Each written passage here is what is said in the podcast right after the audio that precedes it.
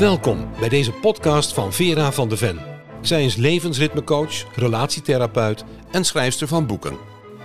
In een serie podcasts praat ik met haar over haar werk en hoe zij tot haar filosofie Zizi is gekomen. De weg die we bewandelen in ons leven en waarin we ons persoonlijk ontwikkelen.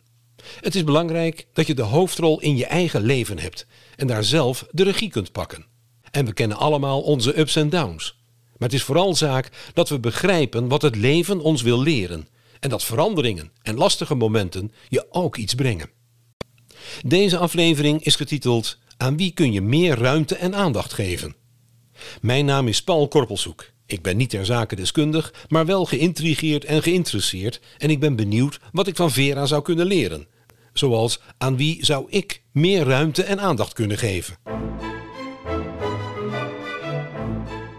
Dag Vera. Dag Paul.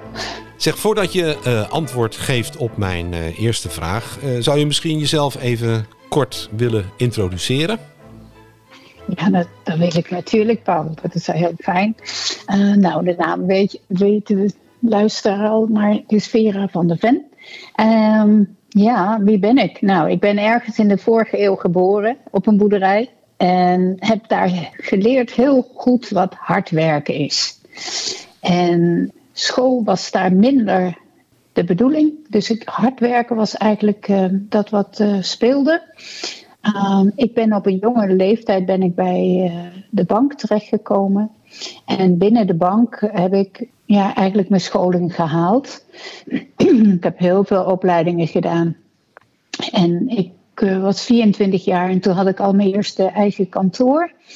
En ik ben een kleine 30 jaar ben ik uh, bij de bank geweest en ik heb 18 uh, verschillende functies uh, gehad, waarvan leidinggevende eigenlijk een heel overgroot deel waren en veel managementtaken eigenlijk ook heb vervuld. Mm-hmm.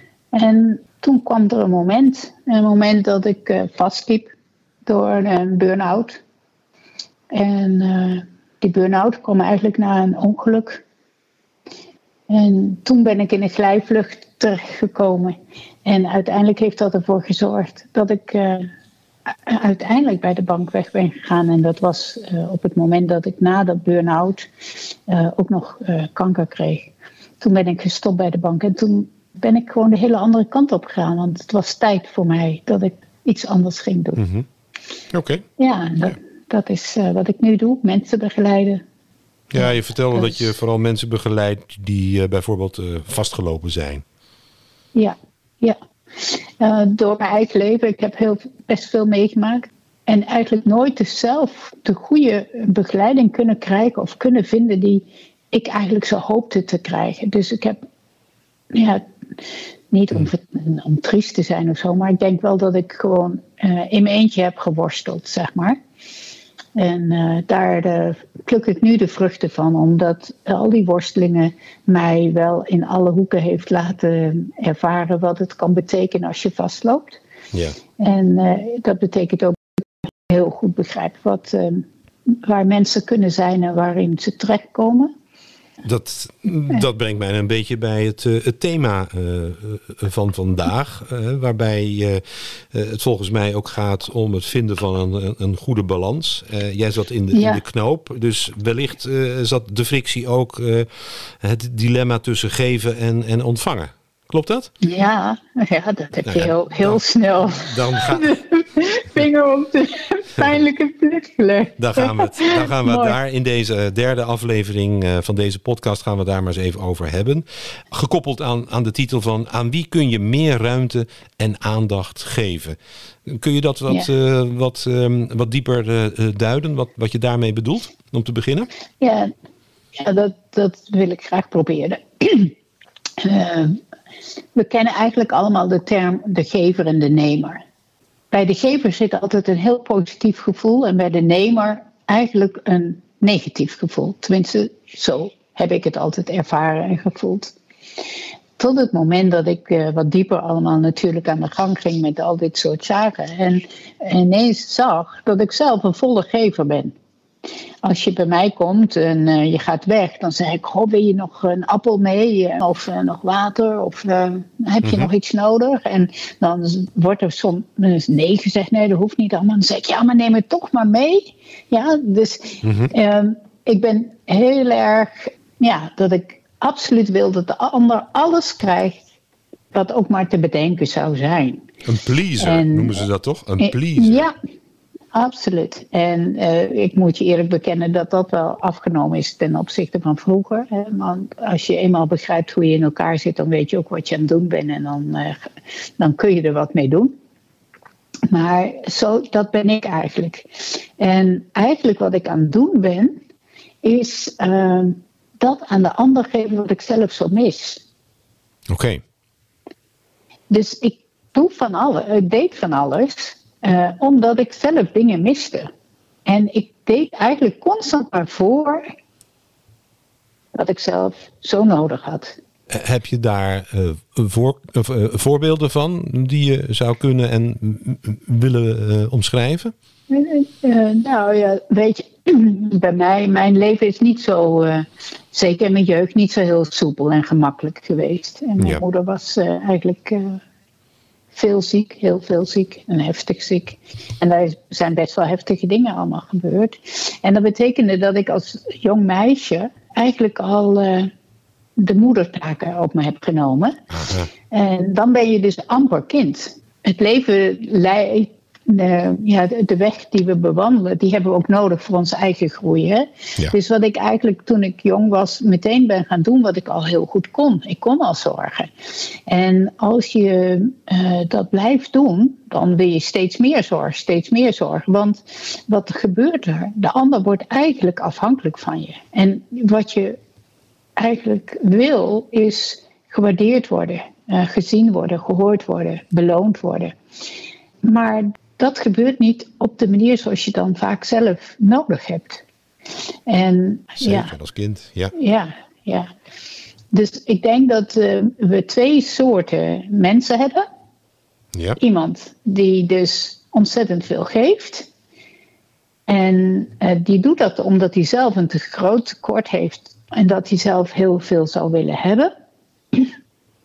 En we hebben een nemer en die wacht dat de ander het geeft. En die geeft dus eigenlijk de gever ook de mogelijkheid om te geven.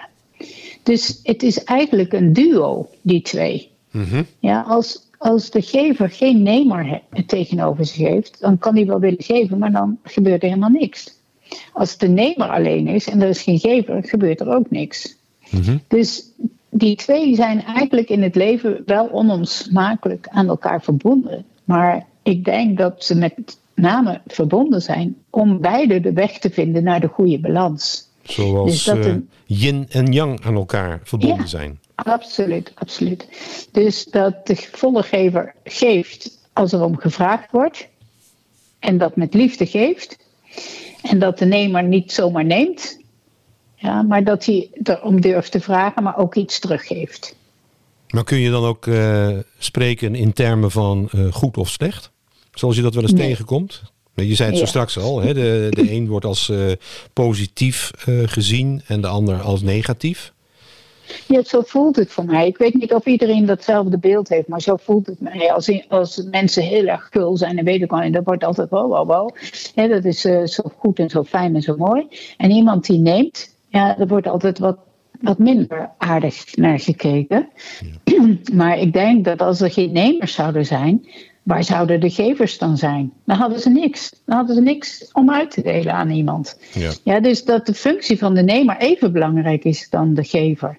Alleen de perceptie, het gevoel wat we erbij hebben, is dus wat anders. En ik denk dat het de bedoeling is dat we beide, van welk soort je ook bent, eh, in de goede balans komen door aan de ander te geven. Dus de nemer moet leren aan de ander te geven.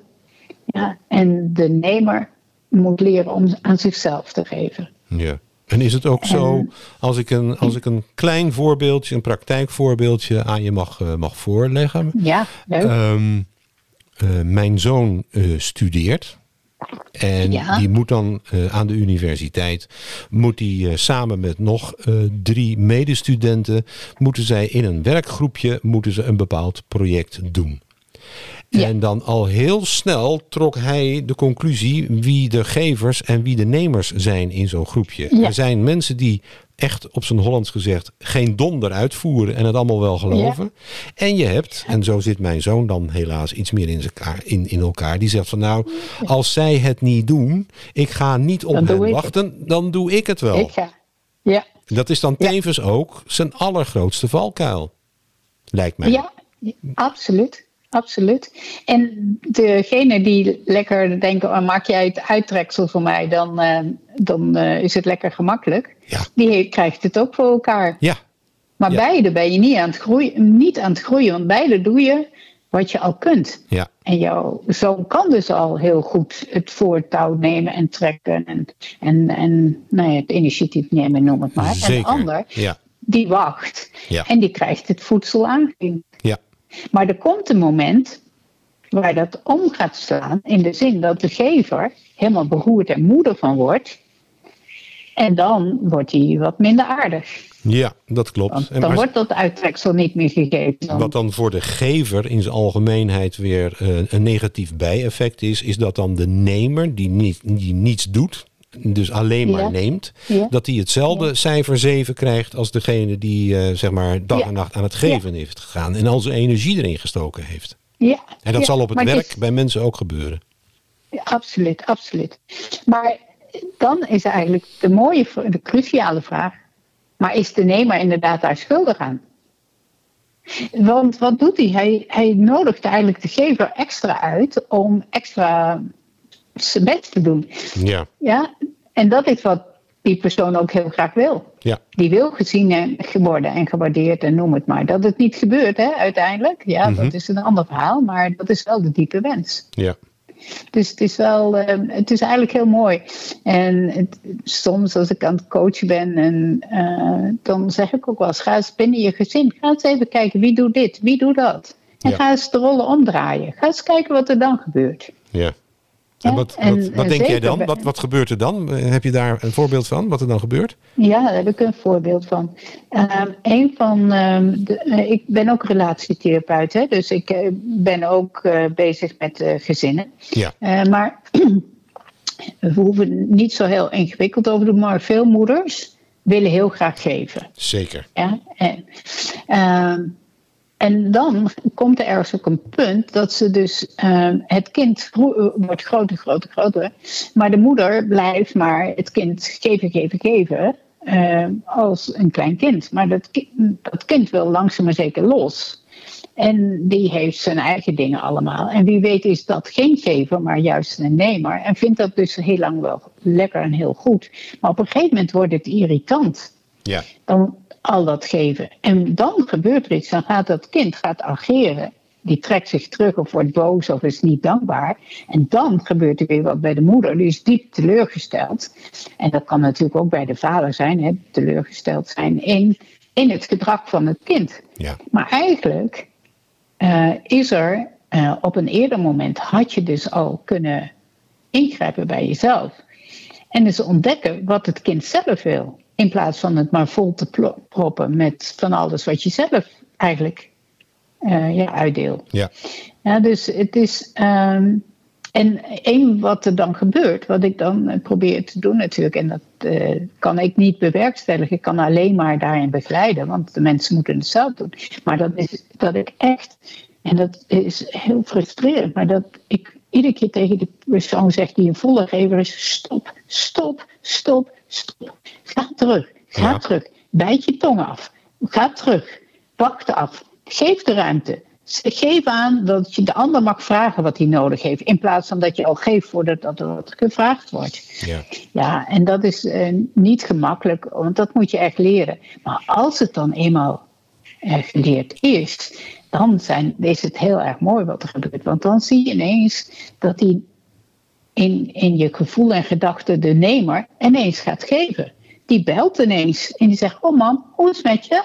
Nou, dat is een, een, een, een geschenk van hier tot Tokio op dat moment, omdat voorheen er een snauw en een grauw kwam. Ja.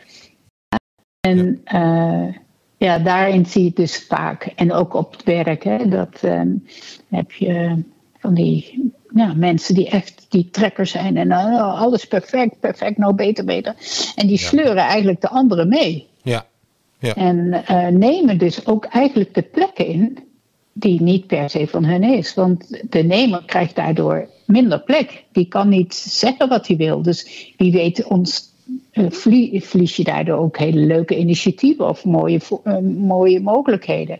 Omdat die gewoon niet gehoord wordt, want die wordt al volgepland voordat ja, die maar iets kan doen. Wat, ja. wat zou je dan mee willen geven aan uh, mensen die in zo'n situatie uh, zitten? Hè? Dus die echt ja. gever zijn, die wel positief uh, imago hebben, maar eigenlijk misschien niet goed, of die disbalans eigenlijk in stand houden daarmee. Um, ja. Wat zou je mee willen geven? Want, um, en waar, waar, je, je, kan wel zeggen van ja, stop ermee, stop ermee, maar um, hoe dan? Wat gebeurt er dan? Ja, nou, waar, waar je sowieso de eerste aandacht aan moet gaan en naar jezelf. Uh, dus stel dat ik even ben en ik ben die gever. Ik zal zelf het inzicht moeten hebben in wat ik aan het doen ben. Als ik weet wat ik aan het doen ben, dan weet ik ook waarom ik het doe. Ja, dus ik, in mijn geval, ik heb niet zoveel zelfvertrouwen. Ja, dus dat betekende dat ik heel veel wilde doen. Want dan, als ik maar veel doe, dan doe ik in ieder geval minimaal iets goeds. Ja. Dus op het moment dat je weet hoe je zelf in elkaar zit, waarom je dit gedrag hebt, ja, dan kun je er iets aan veranderen. Als je niet begrijpt waarom je dat gedrag hebt, dan gaat er niks veranderen. Dus de eerste stap is bewust worden dat je dit ah, doet. Ja. En ook bewust zijn dat het niet oplevert wat je hoopt dat het op zou leveren. Ja, dus niet de dankjewel en, en, en schouderklopje. De waardering, ja, ja. De waardering. En als je dat, dan is even rustig terug te gaan naar jezelf en te bedenken van, goh, hoe ja. kan ik dit veranderen? Um, het gaat misschien te ver als ik dat helemaal uitleg, maar eigenlijk moet daar de eerste beslissing komen. Als je daar die beslissing neemt, ja, er mag iets veranderen, dan ligt het dus bij jezelf en niet bij de ander. Dus mm-hmm. dat betekent dat je eigenlijk dat wat je zo wil hebben van de ander, eerst aan jezelf zou moeten geven. Dus in mijn geval moet ik zeggen van nou, ik, ik weet zeker dat ik het gewoon goed doe. Ik hoef daar niet aan te twijfelen, ik doe het goed. Ja. Ja, dus dat ik stop met het uh, onbewust hebben van, van, uh, van de angst dat ik het niet goed doe.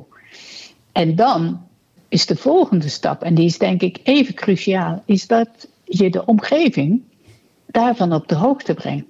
Want stel je voor, Paul, dat jij en ik zouden samenwonen en ik deed altijd alles. Ja. Ja, jij vond het lekker en prima en goed en dat was gewoon, dat deden wij.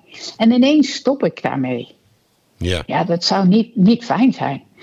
Ja, dus je zult ook, uh, als het over je partner gaat, zeggen: Goh, ik ervaar dit allemaal bij me en ik word er zo moe van. En eigenlijk ben ik allemaal dingen aan het doen omdat ik iets nodig heb en ik krijg het niet. Mhm. Dus mijn vraag is nu aan je: zou je dat aan mij willen geven? En dan zal. Dan, en je mag nee zeggen, Mhm. hè, maar wil je dat aan mij geven?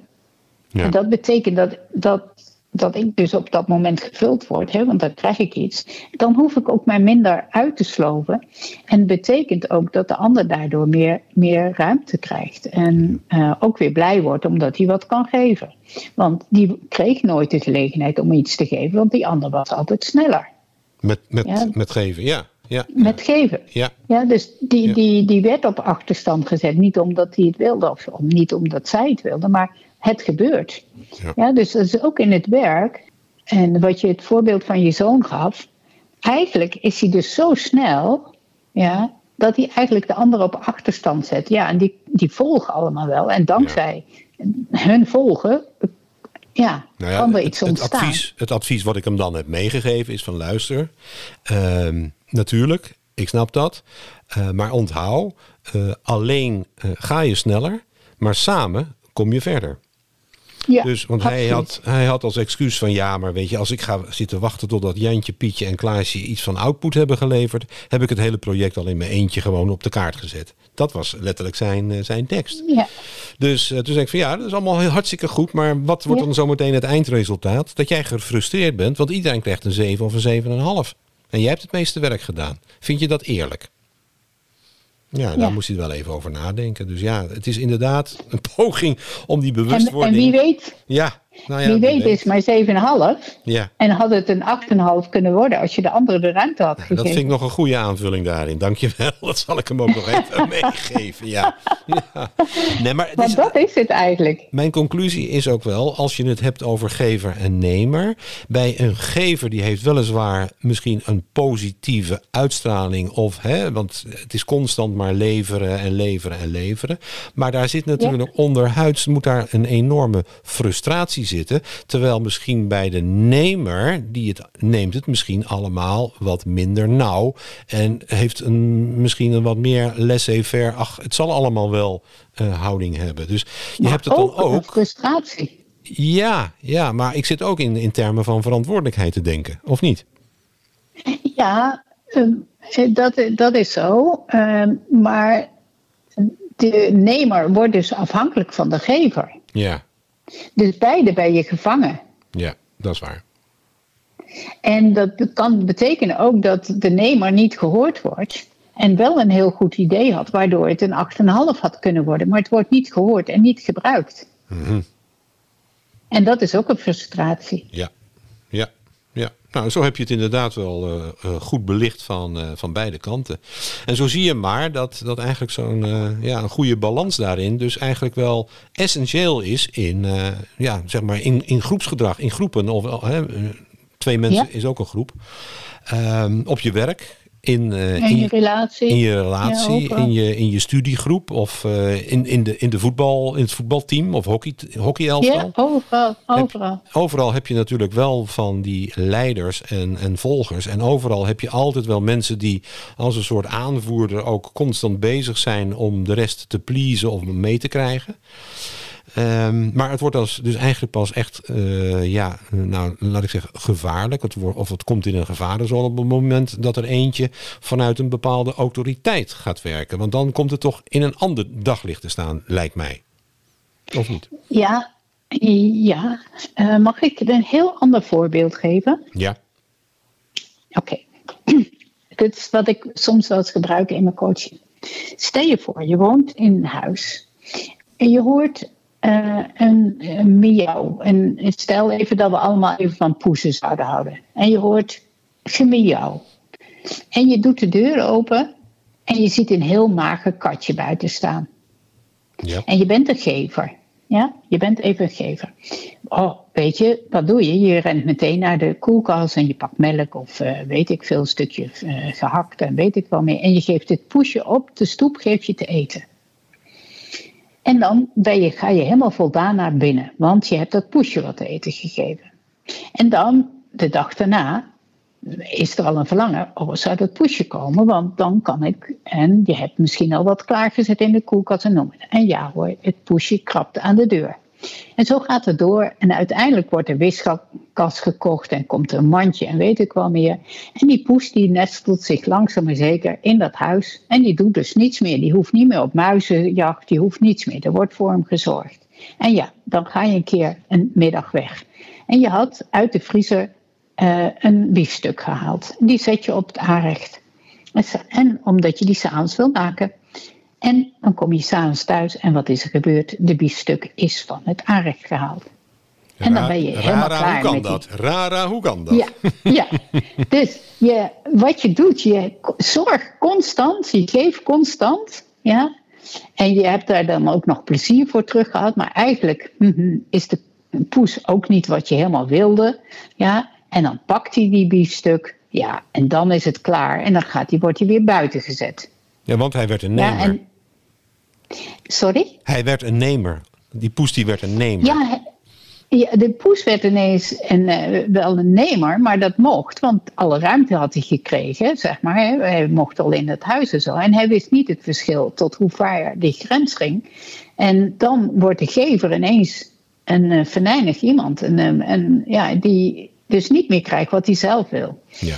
Ja, en dan gaat het verkeerd. Dat is zo'n zo'n punt uh, waar je ook in een relatie, hè, dus uh, iemand volgt en uh, doet niets en weet ik wel meer. En op een gegeven moment is het klaar. Ja, dan heb je gevraagd of, die de was, of hij of zij de wasmachine, afwasmachine leeg wil halen. Kom je thuis is het nog niet gebeurd. Ja. Oh, ja. ja. en dan barst het. Ja. Ja. ja? Heel herkenbaar. En, Heel herkenbaar. Ja, niet zozeer bij mezelf, maar ik, ik kan me dat voorstellen. Nee, ja. Maar, en, en dat is een constant spel eigenlijk waar we in zijn. En een spel van balans zoeken. Maar als we niet bewust zijn wat we zijn en wat we doen. En welke frustratie daaronder zit bij onszelf. Ja, dan, dan ga je dus clashen iedere keer. Dan zul je alle twee op een hele andere manier gefrustreerd raken. En het mooie zou zijn dat je heel bewust bent wat je bent. Ja, zoals in mijn geval, ik ben heel bewust dat ik een gever ben. Maar ik kan me nu inhouden, omdat ik ook alle ruimte aan de andere kant wil geven. En of dat nou een gever of een nemer is, dat maakt mij dan niet meer uit. Maar ik weet waar mijn grens ligt. Ja.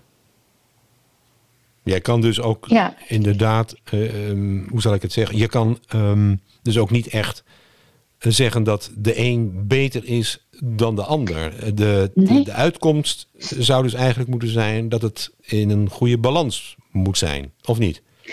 Ja, ja dat, dat zou sowieso heel mooi zijn als de, de goede balans komt. Maar eigenlijk heb je de ja en de nee, zou je ook kunnen zeggen. Maar als er geen ja is, dan heeft de, de nee geen bestaansrecht. Is er geen nee, dan heeft de ja geen bestaansrecht. Dus je bent aan elkaar in zekere zin wel aan elkaar verbonden.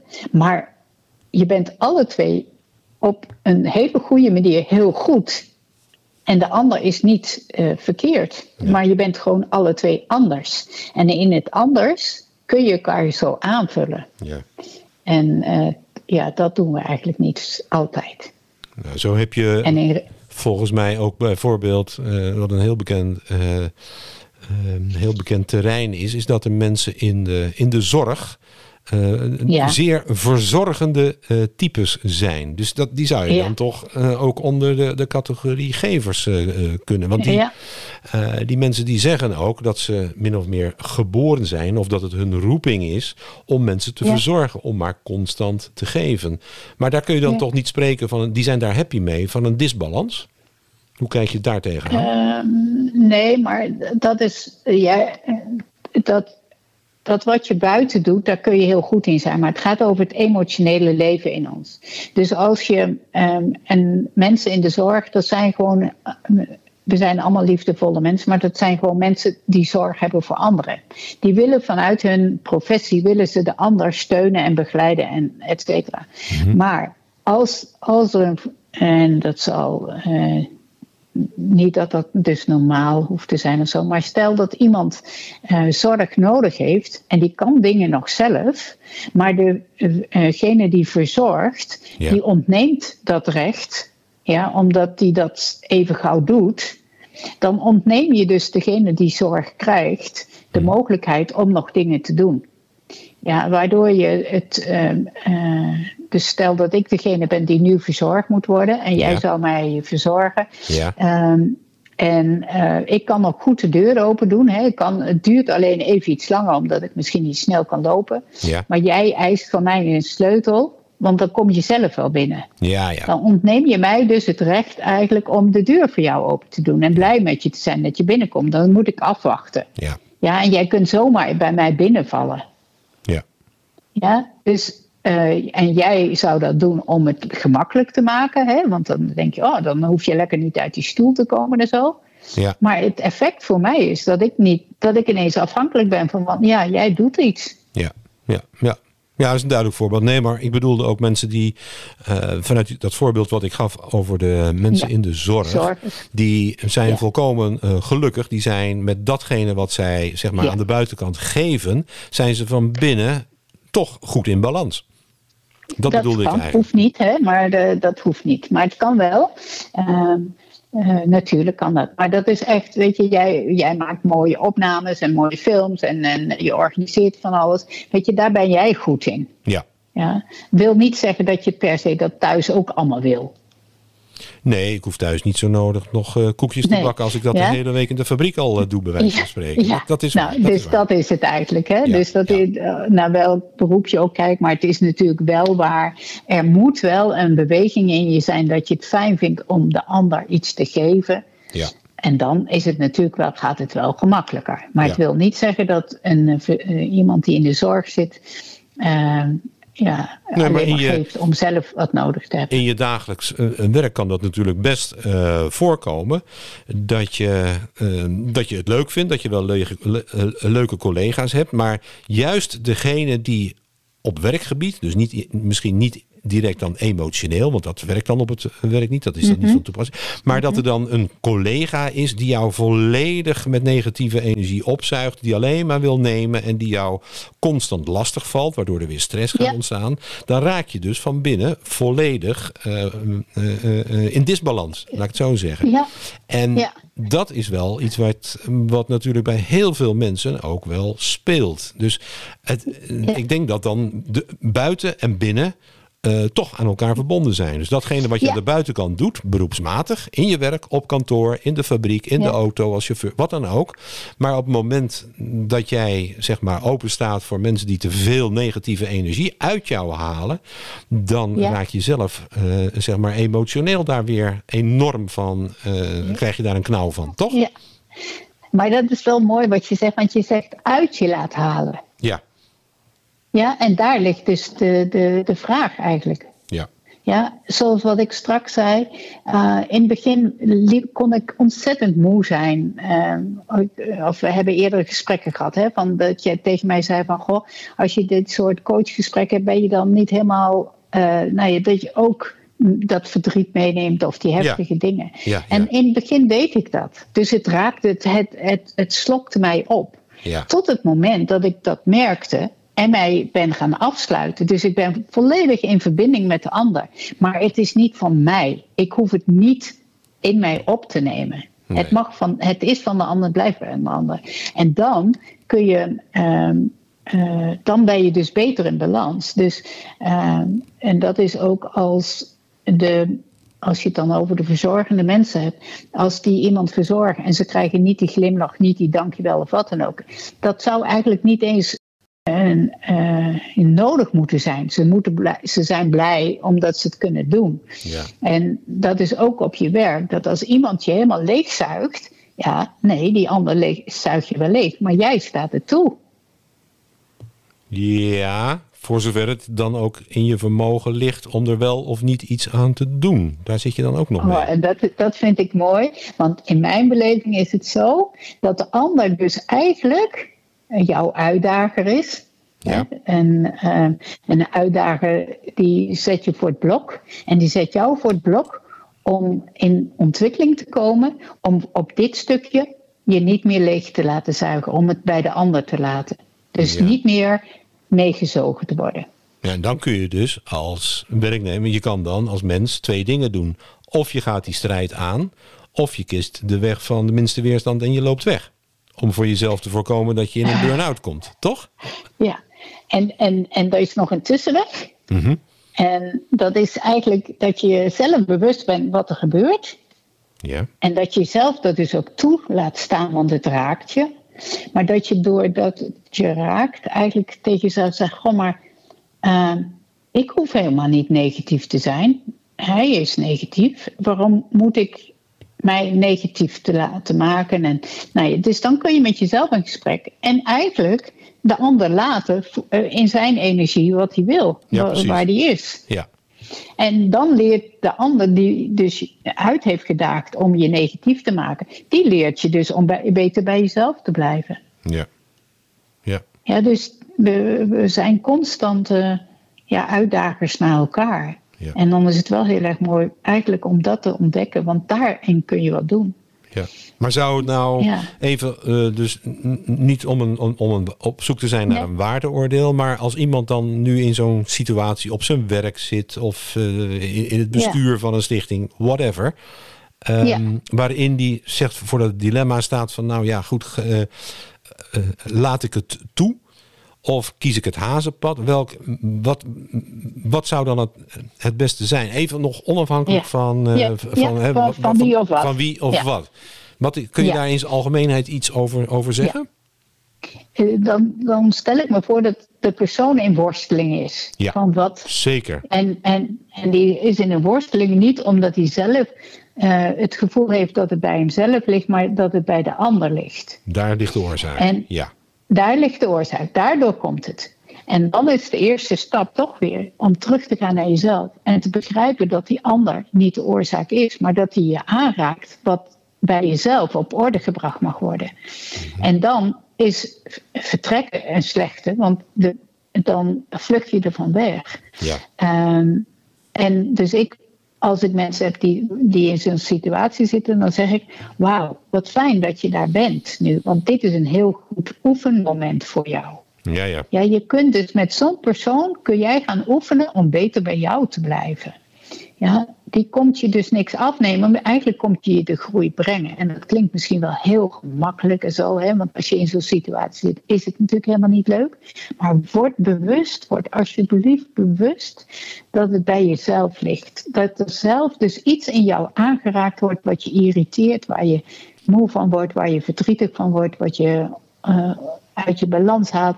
Daar zit iets. Daar zit dus winst te halen bij jou, in jou. En ga daarmee aan de slag. Ja, en dan zou ik zeggen, ja kom, dan gaan we lekker een paar uur praten en dan maak ik het je helder. Ja. En dan, uh, maar stop met de ander de schuld geven. Stop met de ander de schuld te geven. Zolang je dat blijft doen, in mhm. welke vorm dan ook, ja, dan is de ander schuldig en ben je zelf ineens onschuldig. En zo is het niet. De ander uh, brengt je iets en uh, zelf ben je schuldig aan het vluchten bij jezelf. Mhm. Omdat je niet met dat stuk met jezelf aan de slag wil, wat, wat zo vraagt en zo roept om aandacht. Ja, ja.